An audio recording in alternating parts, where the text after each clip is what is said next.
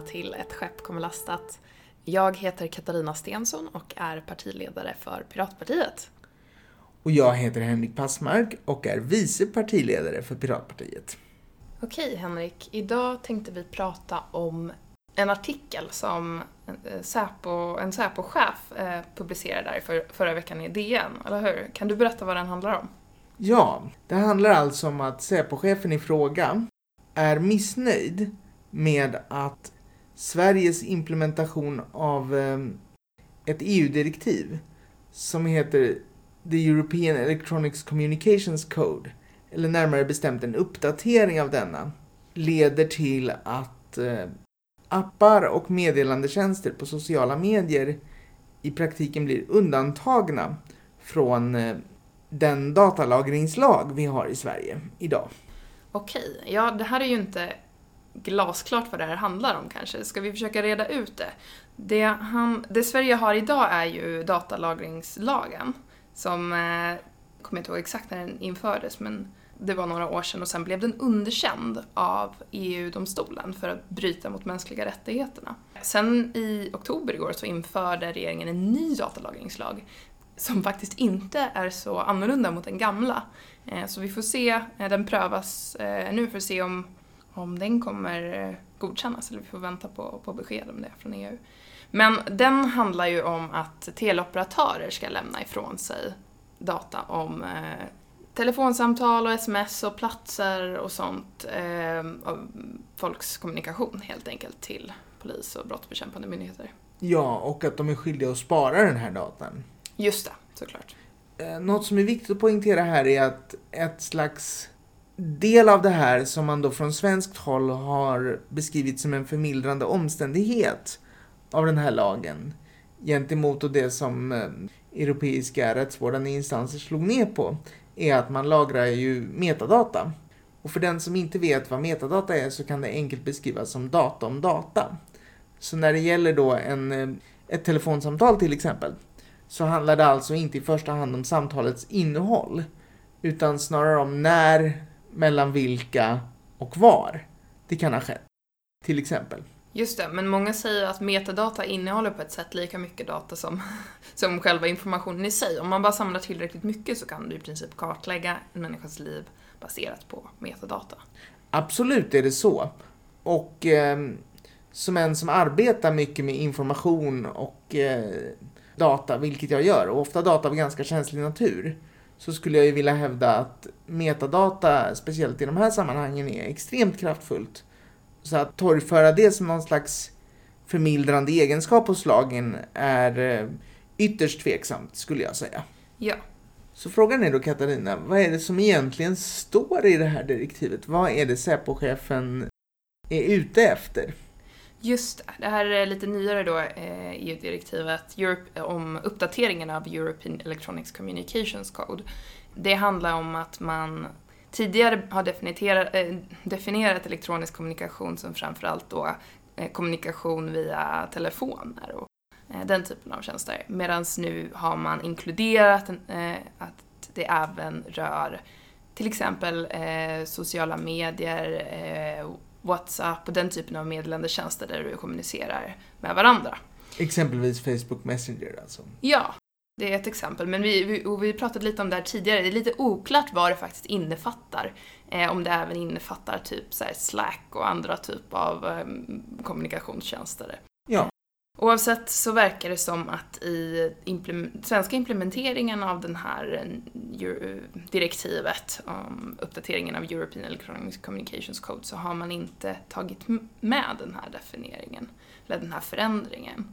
Eh, och det är det som Säpo-chefen är upprörd över för att han vill att då eh, även sådana här eh, företag som driver de här meddelandetjänsterna ska lagra ja, ja. metadata om kommunikation och tvingas eh, lämna ut det till polis och myndigheter om de begär Precis.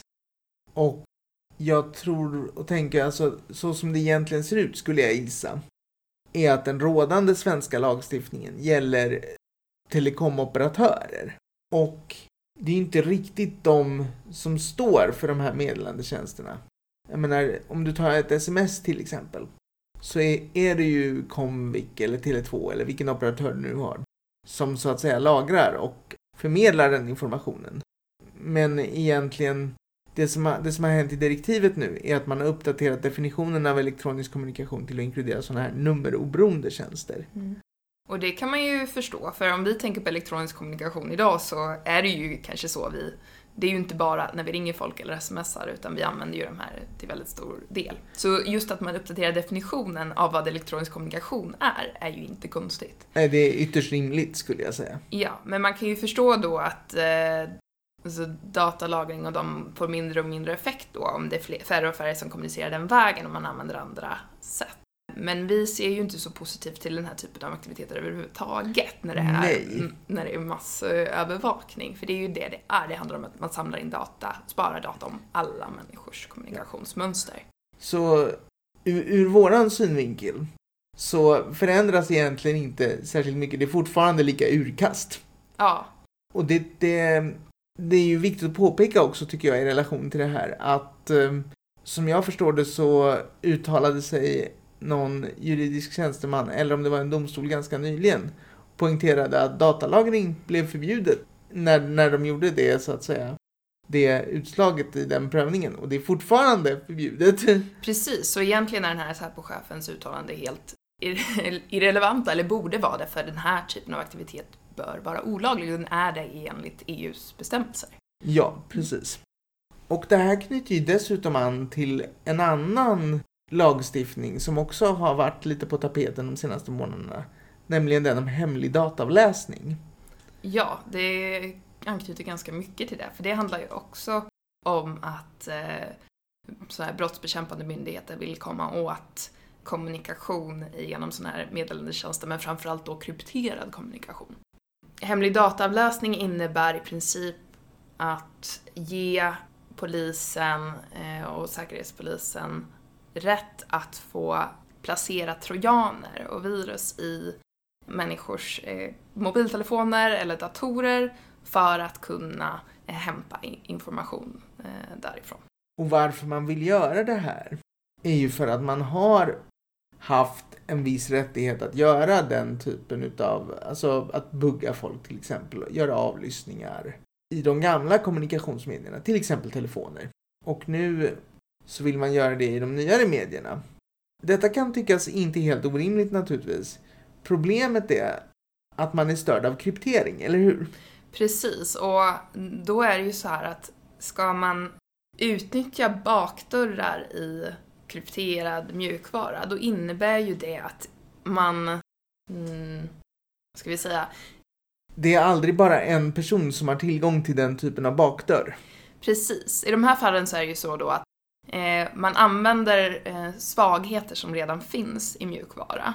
Och så ibland är det så att man köper informationen om de här svagheterna, eller köper de här svagheterna, om man ska säga, från eh, eh, handlare på, det har tidigare varit på svarta marknaden, men nu finns det faktiskt öppen marknad av sådana här svagheter också. Men det det innebär är ju att då meddelas inte leverantören av de här tjänsterna om de svagheter som finns, vilket innebär att svagheter i system förblir där. De åtgärdas inte eh, eftersom att då eh, sådana här brottsbekämpande myndigheter vill utnyttja dem för att kunna komma förbi kryptering i sådana Ja. meddelandetjänster. Och vad man ska väl också vara tydlig med om att det handlar om framförallt två typer av svagheter. Det ena är ju liksom svagheter i själva krypteringen. Och det är ju sånt som då används för att, för att eventuellt avlyssna kommunikation in transit, alltså medans den färdas mellan meddelare och mottagare. Men sen har vi ju den andra typen och det är egentligen tror jag den man mest vill åt för de här krypterade meddelandetjänsterna, de är ganska säkra. Eh, utan problemet där är att vad man vill komma åt istället är att infektera den klienten, det vill säga telefon eller dator, som du läser de här meddelandena på. Och där då den så kallade end-to-end krypteringen, den är ju upplåst då, annars hade du inte kunnat läsa den. Ja, fast det kan också vara sånt att man till exempel eh, chattappar till exempel så skriver du ju på tangentbordet i telefonen och det den här Mm. typen av trojaner till exempel kan göra är att de kan läsa av vad du, de lägger sig liksom under mjukvarans, ett, precis, en keylogger. Den kan eh, läsa av vad du skriver. Mm. Så den är inte egentligen så att den knäcker själva krypteringen, utan den gör att den läser av vad du gör Ja, på din telefon. Den kliver in innan krypteringen gör det på olika sätt. Mm, precis. Antingen genom att läsa av vad du gör eller genom att läsa av innehåll som inte är krypterat. Det beror lite på vilken sårbarhet du använder dig av. Liksom. Exakt. Och vad du är ute efter naturligtvis. Mm. Och den här, det här håller ju på nu tas fram en lagstiftning kring det här i Sverige. Det, ska, det kom fram en proposition i december och det ska röstas om det här i riksdagen den 19 februari. Och den lagstiftningen, jag tänkte att vi ska prata lite om hur, hur den är formulerad. För att det är nämligen så att man skulle kunna säga att ja men det här är ju riktad övervakning och riktad övervakning skulle ju kunna vara okej i vissa fall. Det bryter inte direkt mot mänskliga rättigheter på samma sätt som massövervakning gör. Den, den kan till och med utformas, om, om man vill det, så Ja. kan den ju till och med utformas på ett sånt sätt som vi pirater tycker är helt okej. Exakt. Faktiskt. Det går. Det går. och, eh, men det är inte riktigt den här lagstiftningen. Men vi kan ta lite detaljer kring den. Till exempel så, visserligen så står det att det får bara användas för brott som har en straff, eh, fängelse på minst två år. Eh, eller fyra år om det är att man ska faktiskt eh, aktivera, vad ska man säga, kameran eller mikrofonen så att man läser eh, av faktisk liksom, röst eller bild. Jag tycker det är lite intressant måste jag säga. Mm. För att det innebär ju på något sätt att man tillmäter röst och bild ett högre skyddsvärde än till exempel en keylogger. Ja, Men hur mycket skiljer det egentligen att lyssna av vad någon säger med rösten kontra att, att liksom i realtid läsa vad någon skriver? Ja, det, möjligtvis att du får bara e ena änden av kommunikationen. Ja, Kanske. det, det är klart. Det är klart. Ja, men det, jag håller med dig att det känns inte riktigt logiskt. Lite skakigt. Så. Ja. ehm, och sen är det ju sen är det faktum att det är inte bara när någon, när det är sannolikt att en person har begått ett sånt brott då, som man får avlyssna just den personen, utan det här gäller hela den här eh, individens personkrets. Så att man får avlyssna inte bara den personen som är misstänkt utan även personer i, alla personer i dess omgivning. Man får dessutom avlyssna enheter som har, man tror har, att det har använts, som man tror att personen i fråga använder just nu, eller som man har ja, men, giltigt skäl att tro att den här personen kommer att använda i framtiden. Så det finns en massa saker som breddar det här och inte, inte bara handlar om att, att övervaka just den personen och dens kommunikation. Det är, det är lite spännande att det är så. Jag tänker, det påminner mig lite om det här, någon liknande lagstiftning där man pratar om att du får avlyssna misstänkta och icke misstänkta. Och det, det roliga med det är liksom att antingen är man misstänkt eller också är man inte det. Inkluderar man båda grupperna så inkluderar man per definition alla. Ja, det gör man ju. Och det, det blir lite så här absurt. Plus att de här begränsningarna du pratar om, som ju inte är mycket att skriva hem om egentligen, de är dessutom ganska vagt formulerade.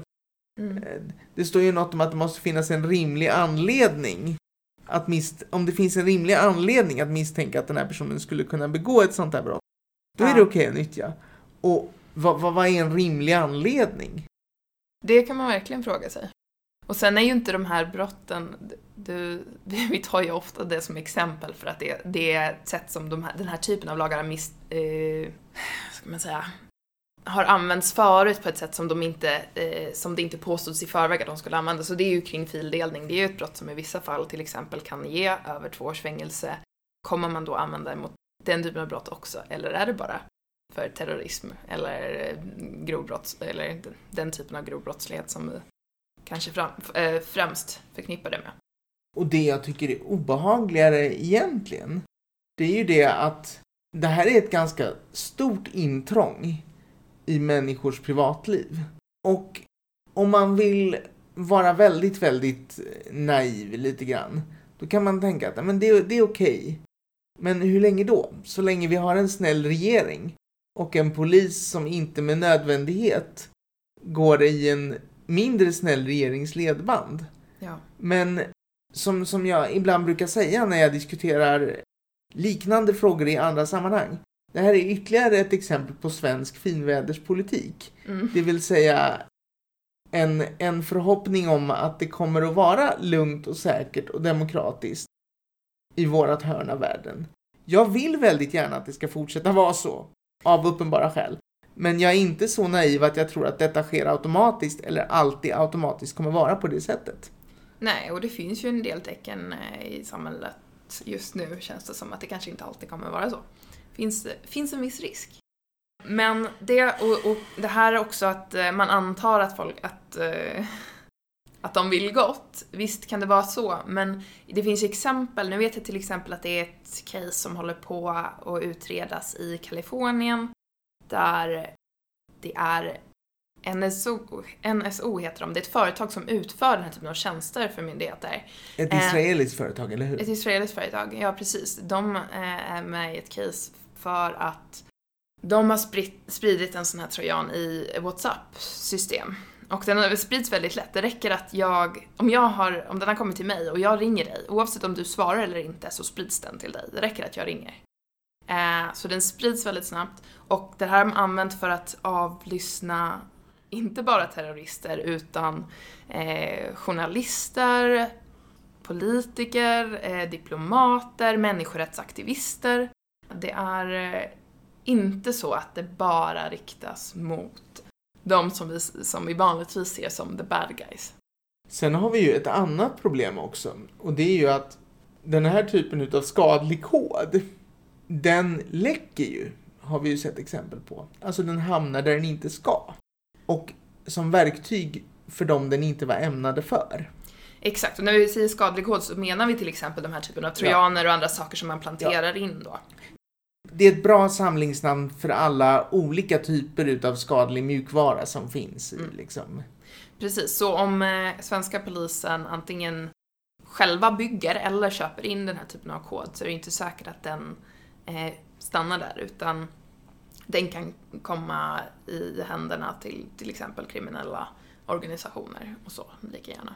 Ett av de eh, mest mediala exemplen på det här, det var ju mjukvaran WannaCry, som var ett sånt intressant fenomen att det var alltså ett eh, paket av kod som utvecklats av NSA för att få in skadlig kod i framförallt Windows-system, tror jag. Mm. Och eh, sen fick då några cyberkriminella tag på det här och paketerade då den här eh, transportmjukvaran. Vektor kallar man det när man pratar om vanliga virus. Så de paketerade då den här vektorn tillsammans med en så kallad cryptolocker. Eh, och det är alltså en mjukvara som krypterar din hårddisk med ett lösenord som du själv inte känner till. För att sen då begära ut en lösensumma som ska betalas till någon som känner till lösenordet så att du kan få tillbaka din data.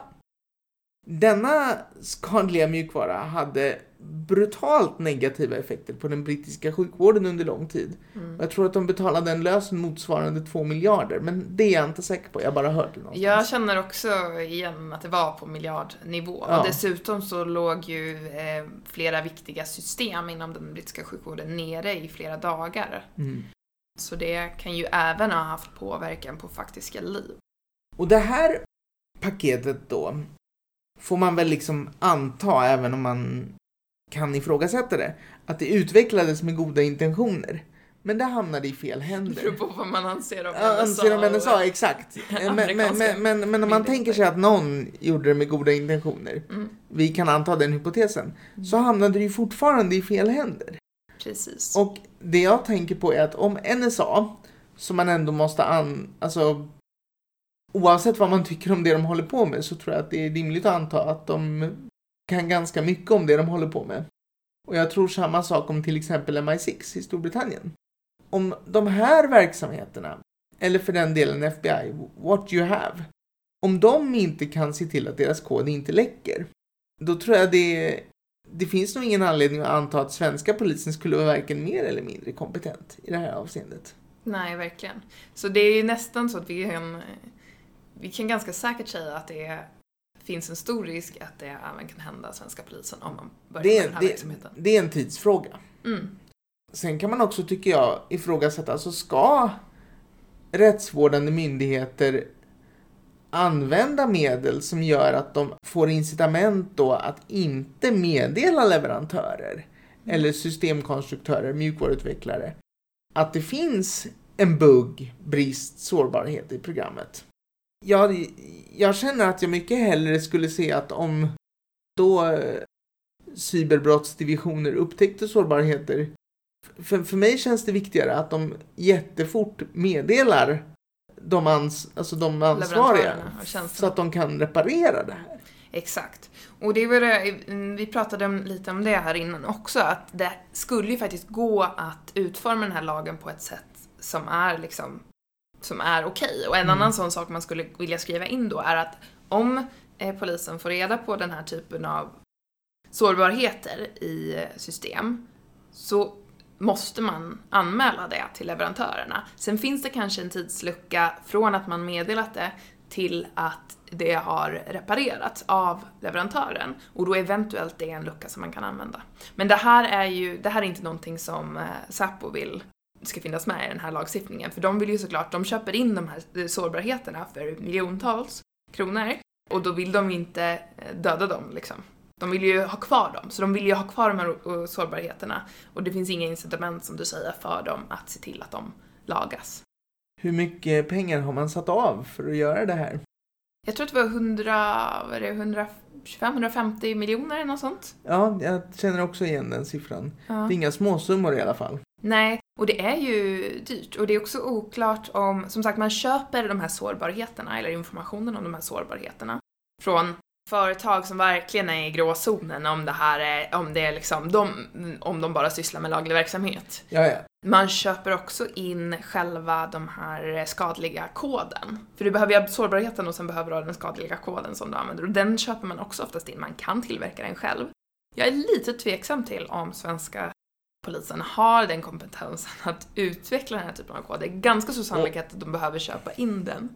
Och det kostar också väldigt mycket pengar och det är också pengar som går till väldigt tveksamma företag. Och alldeles oavsett så är det så att även om eh, svenska polisen skulle ha den kompetensen så är mitt intryck att man ofta i svensk offentlighet hellre låter någon annan göra IT-jobbet om man kan betala för det. Ja, det Det- känns som att det är så ganska ofta. Det, det gäller liksom inte bara den här typen av eh, halvt ljusskygg verksamhet utan det gäller även daglig drift av IT. Men det kommer vi säkert få anledningar att prata om i ett annat avsnitt tror jag. Ja. En sista sak som jag tänkte med det här, det är också att det, eftersom att det här leder ju då till att det finns sårbarheter och eh, ibland skadlig kod som då kommer drabba vanliga medborgare eller företag. Och det finns eh, gott om evidens för att det här innebär kostnader för företag till exempel. När de som har utrett det här förslaget då blir tillfrågade, eller när regeringen blir tillfrågade om de kommer ersätta personer som eh, Som lider skada Ja. av det här. som lider skada av det, om det är företag eller medborgare, så säger de tvärt nej. Att de tänker inte ersätta någonting. Det innebär att de skapar en skada för, för människor och för företag, men de vägrar ersätta den kostnaden som det innebär för dem. Precis. Alltså, det som jag tycker är intressant, jag läste en artikel häromdagen om hur det här har tillämpats, hur, alltså hur liknande saker har tillämpats i Australien. Och det har ju gått sådär, om man säger så. Om man är en sån som är intresserad av att IT ska vara säkert och hyfsat människovänligt och allt sånt där. Mm. Man har liksom, som polis används ganska tveksamma practices, liksom när man har planterat en sån här till exempel i, i någons mobil så checkar ju den upp mobildata. Och då har man då samtidigt ringt eh, teleoperatören sagt kan ni öka på den här datamängden så att inte personen märker att det är en trojan här som tjuvlyssnar på honom hela tiden. Jaså? Eh, och, och liknande sådana saker. Journalisten som skrev det, hon uttryckte sig väldigt roligt för hon sa att om man frågar sig hur det här har funkat i Australien så är svaret det har funkat utmärkt om man är en sån som tycker att en eldkastare är ett bra verktyg för trädgårdsskötsel. Ja, Och det, det är lite så det känns. Alltså jag, jag skräms också lite av båda de här ämnena som vi berört. mm. Därför att de vittnar om en mental inställning om en väldigt stor del av svenska medborgare som potentiella hot. ja. Och vi har problem med olika typer av brottslighet och våld just nu. Det är ingen tvekan om det. Men att gå därifrån till att på väldigt bred front betrakta svenska medborgare som råkar ha digitala liv, för det har man idag. Att betrakta dem som potentiellt hot det är liksom inte sunt för ett demokratiskt samhälle. Nej, och det polisen borde fokusera på är ju snarare en högre kvalitet i den riktade övervakningen mot folk Mm. som, där det finns en, en stor sannolikhet att brott begås. Och även, vad ska man säga, traditionella eh, brottsbekämpningsmetoder som traditionell, eh, vad heter det, när du går, när du går undercover till exempel, undercoververksamhet precis. och liknande. Eh, du nämnde också förut att man ju kan, eh, i de- fall man behöver göra så kallad digital husrannsakan, där man vet där det finns en, en stor sannolikhet att- hitta brottsligt. Ja, och jag, och jag vet inte vad vi har för lagstiftning kring en sån möjlighet idag. Men det jag tänker på är att möjligheten att göra en husrannsakan finns ju. Alltså en vanlig husrannsakan. Mm. Eh, Och, och vi brukar ofta prata, eller framförallt Rick pratade för några år sedan mycket om något som han kallar för analog equivalent rights. Mm. Eh, Alltså motsvarande analoga rättigheter fast i den, i den digitala sfären. Mm. Och det jag tycker är intressant med det är att man skulle ju kunna tänka sig en situation där liksom dina digitala prylar ansågs vara del av ditt digitala hem. Mm. Vilket innebär att polisen inte får tillgång till det med vilka medel som helst, men kan få det. Precis som de kan med en husrannsakan. Mm. Eh, Jag tror kanske lite grann att det som man besväras av med viss rätt från polisen är att väldigt mycket som går så fort idag. Kommunikation, alltså vi, vi vet ju att informationsöverföring går fortare än någonsin. Och det, det är mycket som händer fort. Allt i samhället händer fortare än vad det gjorde för 20 år sedan. Medan då de byråkratiska processerna för att åtgärda sådana har en inbyggd tröghet. Mm. Men det är ju så mycket i svensk förvaltning att delar av den inbyggda trögheten finns till för att faktiskt garantera rättssäkerheten. Mm. Och jag, jag skräms lite över viljan att kompromissa med den. Ja, jag håller med dig. Och jag skräms också av samma tanke. Men vi kanske ska avsluta här. Ja, Så- det tycker jag. Får vi se följa upp på det här när som sagt riksdagen ska ta beslut om det här i 19 februari. Ja, det tycker jag.